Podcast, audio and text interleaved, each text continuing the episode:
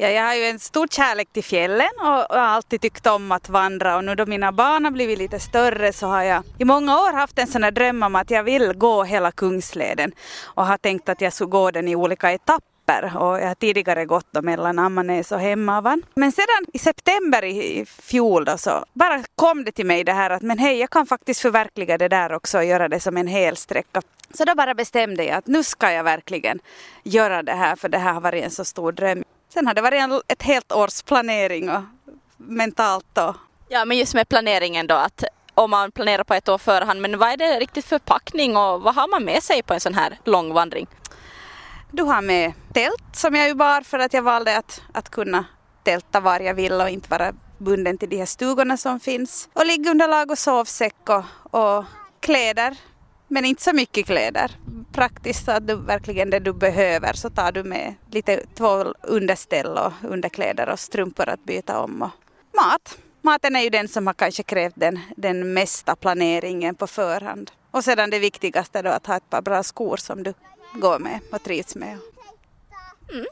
Men vad var då känslan efter första dagen? Ja, jag var jättenervös dagen innan vi skulle fara. Då var jag nog riktigt så att nej, vad har jag gett mig in i och hur ska, hur ska det här gå?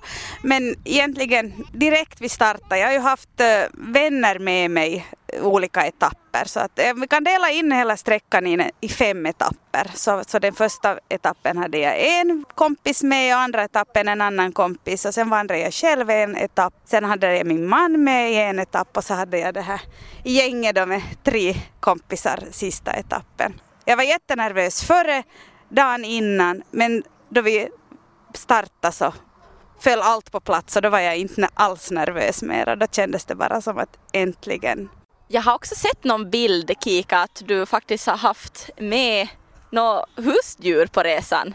Ja, det var min hund Ditte som jag ville, det var en självklarhet att jag skulle ha med, med hunden på resan eller på vandringen. Så, så hon har varit med mig hela, hela vägen och burit sin egen packning och haft sin egen mat i en sån här klövjeväska. Och det, det var roligt att ha, ha henne med och dela det och, och se hur hon också anpassa sig till de där dagarna och den där rutinen att, att vandra och, och pausa och hur hon vande sig med att hon är en ganska livlig hund men vande sig med att då det är paus och då gäller det att verkligen vila för att orka gå vidare. Skulle du rekommendera andra att också ta med sig hundar eller sina husdjur på vandringen? Absolut, man ser ju hur bra hunden mår av att få vara en, följa med och vara som en, leva lite nomadliv så absolut.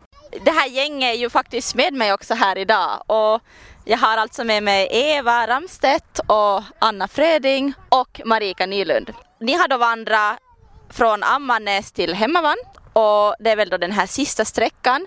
Om jag frågar då dig Marika, varför ville du vara med på den här vandringen? Det var ju en jättechans att få frågan om man fick, man, man fick komma med så det var ju bra att säga ja tack jag kommer. Så att, eh, sen hade det nog varit spännande planering. Hela sommaren liksom gick nästan åt i det här. När ska vi fara? Det närmar sig och vi har torkat mat och köpt kläder hela våren per en, en sak per månadslön. Allt från lätta sovsäckar till och matplaneringen var nog faktiskt störst för mig också.